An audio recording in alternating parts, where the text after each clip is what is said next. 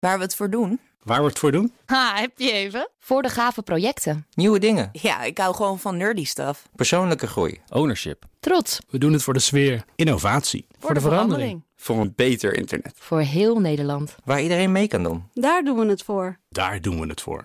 Waar doe jij het voor? Kom werken voor KPN en groei op jouw manier. Check de actuele vacatures op het gebied van data, security, development en networking op jobs.kpn.com/tech. Nieuwsradio. BNR Digitaal. Herbert Blankenstein. Je hebt niet per se dure securitybedrijven nodig om je bedrijf goed te beveiligen. Je kunt veel zelf. Brenno de Winter schreef daarover het boek De Survival Gids voor de Digitale Jungle. Die digitale jungle bespreken we straks. Eerst Amazon. Het bedrijf haalt zich de woede van veel open source programmeurs op de hals omdat het gratis open source software aanbiedt tegen betaling als nieuwe dienst. De open source programmeurs zijn het nu zat. Mijn gast is Bert Hubert, een van de oprichters van Power DNS. Zij maken open source software. Hallo Bert, je was hier al vaker. Uh, kun je uitleggen wat Amazon nu precies doet? Om welke software gaat het? Ja, uh, nou, het gaat om een aantal vrij high-profile projecten. Uh, die niet alleen open source software zijn, maar ook worden gebacked door hele grote bedrijven en venture capitalists. Um, als je um, open source software maakt, um, ja, hoe verdien je geld in open source? Nou, een van de manieren om geld te verdienen is dat je zegt van ik stel mijn software als dienst beschikbaar. Nou, er zijn, ja. is een database software, Redis, andere database software die heet MongoDB. En er is een soort coördinatiesoftware die heet Kafka. En dat zijn drie grote softwareprojecten die je uh, kan afnemen bij de open source uh, schrijver daarvan als dienst. Zij draaien het dan voor je en jij mag je spullen daarin stoppen. En de afgelopen maanden is Amazon ineens gekomen. Die heeft gezegd: Nou, dankjewel voor deze open source software. Um, wij, bieden dit, wij, ook. wij bieden het ook als dienst aan. En trouwens ook nog voor minder. En, uh, en als klap op de vuurpijl um, hebben we het ook nog een nieuwe naam gegeven. Oh. Ja. Dat is wel heftig. Dat eigenlijk, is, eigenlijk is dat nog het meest dubieus, uh, zou is, ik als buitenstaander dan zeggen. Ja, dat is behoorlijk schofterig. Dus je neemt een versie van een stuk open source software. Je geeft het een nieuwe naam. Dus je noemt het ineens uh, uh, AWS Elastic Cache. okay, ja. Prachtige naam. En, uh, en je zegt erbij trouwens, het is volledig compatible met het open source product Redis, wat jullie misschien al kennen. En het kost 22 dollar cent per uur. Oké, okay. en het is, is het ook identiek aan het originele product? Nou, wat ze doen is ze zeggen het is geheel compatible. En eigenlijk vertellen we je niet wat we gedaan hebben om dat mogelijk te doen. En niemand kan dat achterhalen. En niemand hoeft dat ook te kunnen achterhalen. Nee. Niemand kan dat achterhalen. En het is, nou, het is een behoorlijk klap in het gezicht. Uh, van een open source bedrijf. Ja, maar uh, open source, uh, daar zijn licenties aan verbonden. Daar staat in wat wel en niet mag. doet Amazon nou iets wat niet mag? Nou, als je het aan een jurist vraagt, dan is het allemaal volledig in de haak wat ze doen. licentie staat er toe. Licentie stond er toe, in ieder geval. Ja. dus juridisch gezien kan je, er, kan je er niet boos over worden. Is het dan niet dom van degene die het maakt om daar zo'n licentie aan te hangen die dit toestaat? Daar ben ik eigenlijk helemaal mee eens. Het, het, wat wel gezegd moet worden, namelijk ook... de bedrijven die nu aan het klagen zijn... en dat zijn er drie stuks... Um, die hadden ervoor gekozen om zelf deze software als dienst aan te bieden... als verdienmodel. En op tegelijkertijd ook uh, die software gratis weg te geven... voor algemeen gebruik. Ja. Dus voor een deel uh, hadden ze dit ruim uh, aan kunnen zien komen. En hebben ze ook andere mogelijkheden? Dat wil zeggen, zijn er kant-en-klare licenties die dit dichttimmeren? Nou, er is iemand geweest die heeft een speciale licentie geschreven... en die heet de Commons Clause. En dat is een, een dingetje, dat kan je bovenop je normale softwarelicentie plakken... als een soort sticker. En daarop staat van, nou, je mag alles met deze software doen wat je wil... behalve geld verdienen. En, uh, nou, dat, makkelijk. Ja, dat is heel makkelijk. Maar ja, uh, dat maakt die software natuurlijk ook niet meer zo heel, heel, erg geschikt. Kijk, als ik bijvoorbeeld gratis advertentiesoftware beschikbaar stel... waarmee radioprogramma's en advertenties kunnen managen... en ik zeg erbij, mag je, ja, je mag het downloaden, je mag er naar kijken... maar je mag er geen geld mee verdienen natuurlijk. Uh, dat is, ja, dat is niet algemeen toepasbaar meer. Nee, nee en het gaat ook, een, ja. gaat ook een beetje dan tegen de open source gedachte in. Want daar ga je eigenlijk ervan uit dat mensen gewoon fatsoenlijk en deugdelijk en op een nette manier ja. met dit soort zaken omgaan. Ja, en dat is natuurlijk niet een Amazon. Ontsteek jij nou in verontwaardiging als je dit zo hoort? Nou, ik ben natuurlijk, ik heb zelf ook open source software gemaakt. Ik heb aan projecten ja. meegewerkt. Dus ja, ik, ik bouw hier ook wel een beetje van, ja. Ja, en wat zou de remedie zijn? Ik, ik begin nou over die licenties, maar zijn er andere manieren? Ja, um, licenties is heel ingewikkeld. Uh, daar zou je naar kunnen kijken. Maar ja, aan de andere kant is het ook op zich wel dat je het wil. Alleen wil, verwacht je dan wel een community speler die dan ook dingen teruggeeft en vertelt hoe ze het wel doen. Ja. Nou, daar zou je nog wel wat met de licentie kunnen doen. Dat de code dan ook toegankelijk wordt. Of dat je daar iets viraals, zoals dat dan heet, in, in stopt. En verder heb je inderdaad het nakijken. Je hebt het nakijken. Um, uh, Bert Huer, je, je zei van, uh, van tevoren voor deze uitzending tegen mij: er is nogal wat verschil tussen hoe Amazon dit aanpakt en hoe Google het doet. Want Google gebruikt ook dit soort software, verdient daar ook geld mee, maar doet er wel iets voor terug. Ja, en dat is een heel belangrijk verschil. Kijk, de mensen van Google, we kunnen een hoop vinden van hun privacypraktijken en, en hoe ze alles van ons willen weten. Dat is één ding. Maar Google is absoluut een geweldig onderdeel van de open source community. Die geven zoveel aan de open source wereld, gratis cadeau. Uh, zijn sponsoren ook uh, mentorprogramma's en allerlei andere dingen. Dat eerlijk gezegd, Google kan in onze wereld wel een potje breken. Dus bijvoorbeeld ook mijn software, PowerDNS, doet mee aan een Google open source security programma. Dat betekent dat Google zijn security scans, die ze uitvoeren op hun eigen software, als ze die toch draaien, draaien ze die ook even op mijn software. En als ze iets vinden, krijgen wij een mailtje van joh, ons security team heeft iets gevonden waar je toch echt een keer naar moet kijken. Dat heb je bij Amazon. Ik heb vanochtend eens even gekeken. Wat doet Amazon nou voor de open source community? En dan zijn ze zelf heel trots op een mooie pagina. Dit is wat we allemaal doen voor de open source community. En op één na zijn al die projecten manieren om meer gebruik te maken van Amazon. uh, ja, dat is ook een manier om onderdeel te zijn van de open source community. Maar je bent dan met name een facturerend onderdeel uh, van de open source community.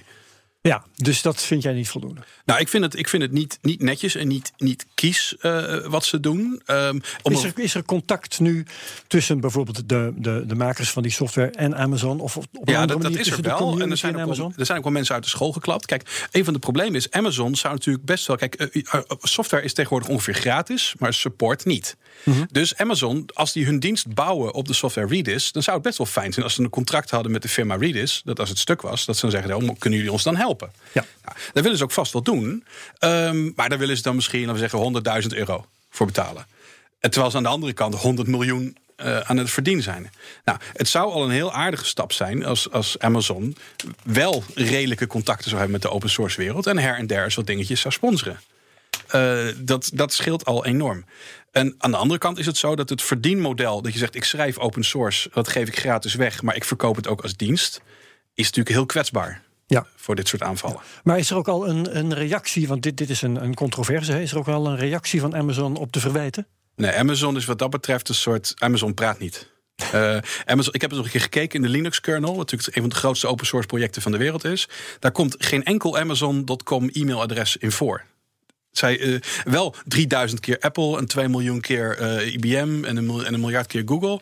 Amazon.com nul. Amazon is een soort sphinx, een soort open source zwart gat. Uh, waar allemaal open source in verdwijnt. Maar er komt nooit meer wat uit. Brenno, heb jij wel eens met Amazon te maken gehad op deze manier?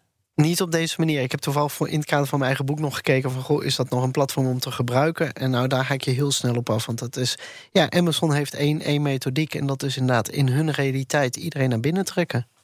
En als het om boeken gaat, uh, wat voor problemen kom je dan tegen? Nou ja, dat, dat als je uh, zeg maar straks een Engelstalige versie wil uitgeven, dat het heel ingewikkeld is om buiten, uh, als je eenmaal voor Amazon hebt gekozen, om buiten hun om nog een ander kanaal te bedienen. Dat dat, uh, je kiest eigenlijk dan, het is een soort alles of niets optie. En je kunt daar wel omheen, maar het is allemaal gedoe. En het is allemaal lastig. En dat, dat past wel een beetje in de bedrijfsfilosofie. Hè? Het is toch ja, op een vrij agressieve manier uh, mensen proberen binnen te houden. Ja. En uh, je ziet dus ook allerlei. Uh, in allerlei landen, zoals bijvoorbeeld in Duitsland, zijn er hele bewegingen op gang gekomen dat bijvoorbeeld uitgevers zich nu gaan bundelen om nog maar enig tegenwicht te kunnen bieden tegen dit geweld. Ja, daar, en dat, dat rijmt wel een beetje op de situatie die we nu eh, van eh, Bert horen uh, in de open source wereld. Nou ja, goed, zij zijn gewoon geen onderdeel van de open source wereld. Ze zijn gebruikers van software en uh, that's it. En daar doen ze niks voor terug. En, en je zegt van ja, als ze abonnementen gaan nemen voor ondersteuning, nou ja, dat moet nog gaan blijken dat ze dat überhaupt gaan doen. Dus zelfs dat is nog niet zeker. Dus het is ja, heel erg eenrichtingsverkeer. En wat, wat het gevaar ervan is. En we hebben bijvoorbeeld voorbeelden gezien met een grote datalek of een grote beveiligingslekken, zoals uh, Heartbleed en zo.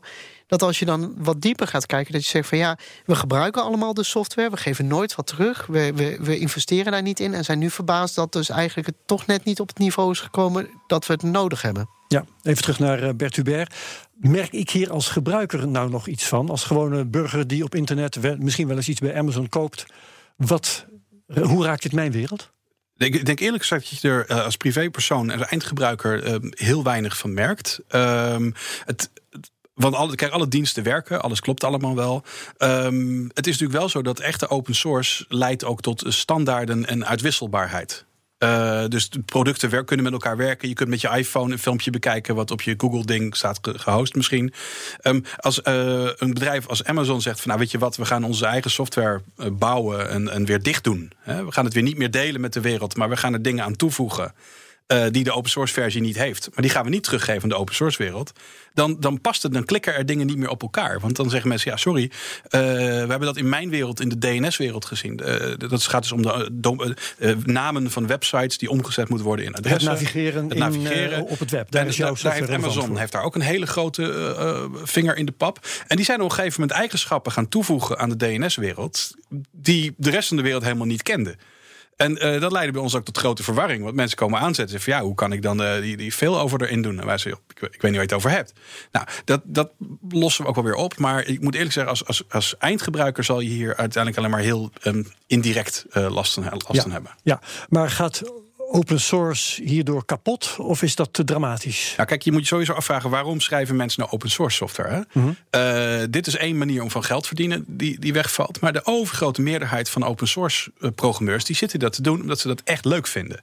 En niet zozeer omdat ze er geld aan verdienen. Dat is vrij uniek in onze beroepsgroep. Je ziet bijvoorbeeld nooit advocaten die s'avonds met z'n allen zitten te werken aan een uh, leuke statuut voor een tennisvereniging of zo. En die met elkaar tips uitwisselen. Uh, dat doen ze niet in het publiek. Ja. Wij programmeurs doen dat wel. En de overgrote bulk, want er zijn echt miljoenen open source programmeurs. De overgrote bulk zal er toch nooit geld aan verdienen. Dus we gaan er niet aan dood.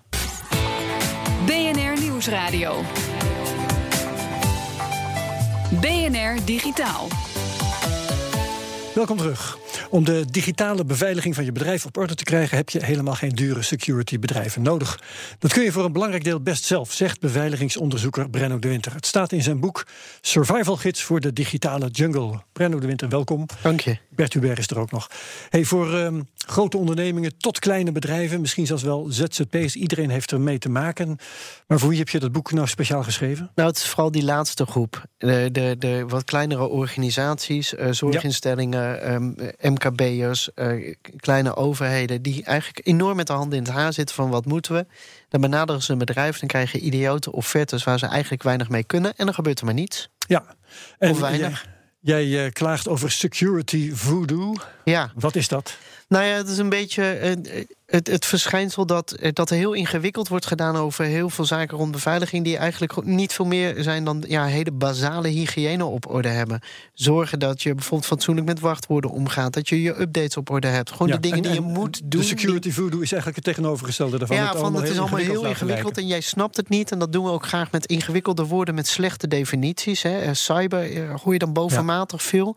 En Alles om maar te laten lijken alsof je het niet zelf kan. Ja, en omdat ik het parallel met de jungle trek, ik vergelijk ik dat met de narwal, die buitengewoon goed is in verstijven. En dat zo goed kan dat hij uh, eigenlijk, als hij een piek moet leveren, dat niet meer kan. Omdat ja, zijn lichaam in een staat van verstijven is.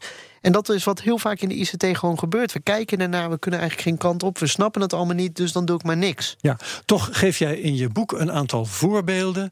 Uh, waar, en je zegt erbij dat je nog veel meer zou kunnen geven, volgens mij, van dingen die verkeerd gaan in beveiliging, omdat mensen nou eenmaal de kennis niet hebben. Bijvoorbeeld, iemand negeert de melding dat de backup schijf vol is. Ja. Waarschijnlijk is die melding ook dermate cryptisch dat hij niet te begrijpen is voor iemand, met een, uh, iemand zonder ICT-achtergrond. Uh, dus uh, voor veel mensen is het zelf beveiligen ook te hoog gegrepen, of niet? Nou, dat valt wel mee als je daar zelf wat energie in steekt en het je verteld wordt. Wat boek je leest bijvoorbeeld. Dat, nou, dat is, dat is een stap. Ja. En daarna ook uitnodigen om zelf ook verder te gaan leren. Maar als je dus een mm -hmm. melding niet uh, snapt, dat je dan denkt van oh. Misschien moet ik dat dan toch eens om me heen gaan er vragen. Is wel een melding. Dat is, in ja. plaats van wegklikken. Ja, ja maar je, je lacht erom, maar het gebeurt ook heel vaak met lampjes in auto's. Nou, ik had ja. van, de, uh, van de winter was er een hackercongres in Duitsland, CCC. En daar was dus iemand en die kreeg een melding over bandenspanning. En die is toch even van de weg gegaan en uh, heeft dat even laten nakijken. Die band stond op springen. Dat was gewoon een dodelijk ongeluk geworden. Ja. Door niet even die melding te negeren. Nou, eh, vertaal dit even naar het digitale. Als je dus zo'n zo melding krijgt, dan moet je daar wat mee doen. En dat dus niet zomaar wegklikken.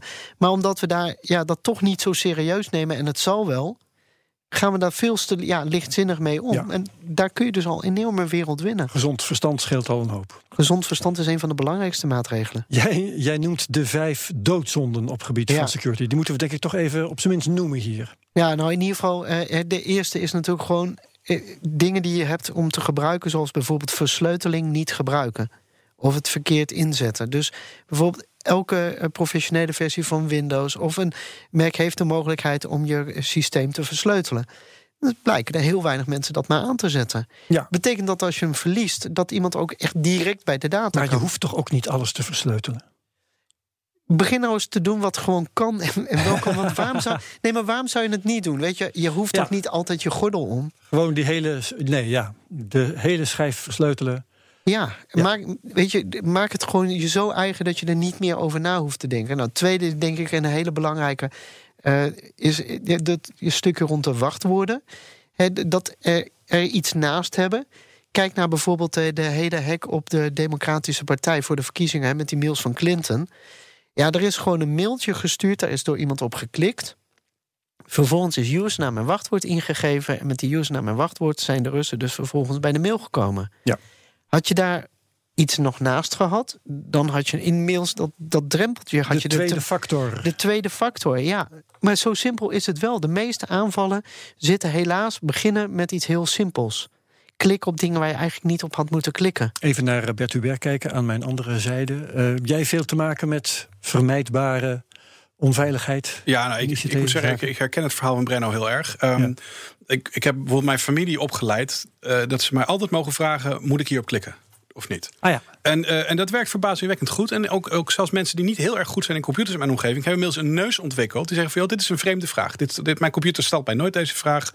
Uh, sturen een screenshot met WhatsApp naar mij toe. En die zeggen van, joh, moet ik hierop klikken? En dan zeggen ze zijn zo goed gecalibreerd dat ik bijna altijd kan zeggen, ja, nee, dit klopt echt wel. Uh, dus dat is een, ja. een, een, echt een heel herkenbaar verhaal. Maar dan, heb, dan heb jij dus de mensen zitten opvoeden. Ja, want, want uiteindelijk moet ik toch hun computer opruimen als ze het verknallen, namelijk. Ja, uh, is in je eigen dus, belang. Dus, er zit wel een persoonlijk belang. Ja, maar ik denk eerlijk gezegd dat het boek van Brenno... Jij, jij, zegt van, joh, ik focus mij op kleine bedrijven... en, en MKB'ers en andere dingen. Maar ik heb het boek ook gisteravond lekker zitten lezen. En ik denk dat jij ook voor grote bedrijven en overheden... die erg diep in de cybervoodoo uh, zitten... want ja, het is secure, want we hebben deze firewall was zo duur... Uh, ja. Het moet wel secure zijn. Maar ik denk dat iedereen die jouw boek gelezen heeft, wordt een soort cyber-guerrilla-strijder. Die in zijn eigen grote organisatie ook kan zeggen: van, dit wachtwoordadvies. Ik denk niet dat we hier echt veiliger van worden. Ja, dat is wel waar. En ik, als ik dan wat mag aanhalen. Het allerbelangrijkste in het boek is los van de, de basale tips. Is uh, de manier hoe kom je tot een risico-inschatting? Hoe ga ja. ik daar nou mee om? Want uh, dat worden altijd hele dikke pillen. Maar dat is ook al een heel moeilijk woord. Ja, dus dat gaan we dus ook mee ophouden. Wat is een risico-inschatting? We gaan erover ophouden. We nee. dus, ja, nee, risico is, is de, ja, natuurlijk de kans dat gevaar optreedt. Maar ja. in het boek neem dat, ik... Dat is makkelijk gezegd, maar als leek kun je heel moeilijk zeggen... dit is risico mensen, zoveel Mensen zijn niet in staat risico. om risico's goed te bedenken. Nee. Zo zijn wij gewoon niet geprogrammeerd. Laat staan inschatten. Nee, dus moeten we het misschien over uh, simpele dingen gaan hebben... als hoe zou het nou fout kunnen gaan? Hoe zou het fout kunnen gaan? Ja, en als je die vraag stelt, en hè, dat is ook zo'n carrière-strijdersactie... als je dus zelf op die manier een risico-inschatting maakt... en dat is een hele simpele methode... kun je dus ook opeens zien wat je wordt voorgehouden... of dat niet een beetje onzin is. Je stelt namelijk gewoon ja. de vraag van hoe kan het misgaan? Hoe erg is dat? En wat zouden de gevolgen daarvan kunnen zijn? Tweede vraag is dan van um, hoe vaak komt het voor? En de derde vraag is kun je detecteren? Dat is eigenlijk alles wat je moet weten om, om met wat mis kan gaan een beetje te kunnen omgaan. En, Kun je het niet detecteren, ja, dan heb je een probleem. En dan komen we op de uh, basishygiëne. Dat is iets wat jij propageert. Er zijn een aantal principes van basishygiëne ja. waar mensen, uh, die mensen zich eigen moeten maken eigenlijk. Hè? Ja, 28. Uh, Ach, dat, dat zijn te veel dat, om nu, maar noem nee, maar, eens een paar. Nou, we hebben net natuurlijk al de wachtwoorden gehad, maar het bijwerken van systemen. Nog steeds gebeurt het dat, ja. uh, dat je het slachtoffer wordt van een aanval. Er komt kwartaadige uh, software op je machine en die kijkt om zich heen en die kan vrolijk dus zich zeg maar propageren, doorgaan omdat al die systemen eromheen niet goed genoeg zijn, maar zijn geüpdate naar de laatste versies. En bekende lekken worden misbruikt.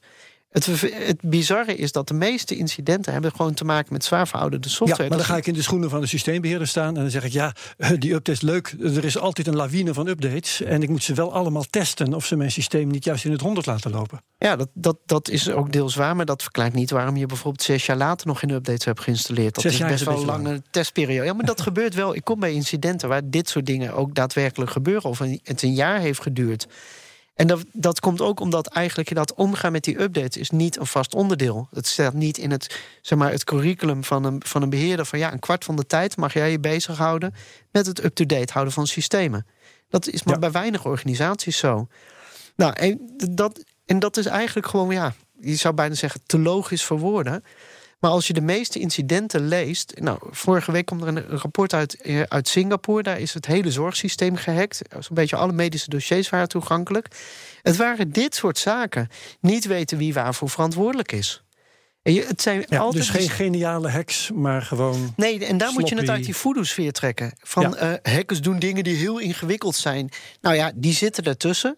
Maar dat zijn maar de verdedigers moeten dingen doen die heel simpel zijn. Maar Dat als is wij in eigenlijk- Nederland een stel Russen oppakken... dan blijken ze een laptopje te kunnen openslaan...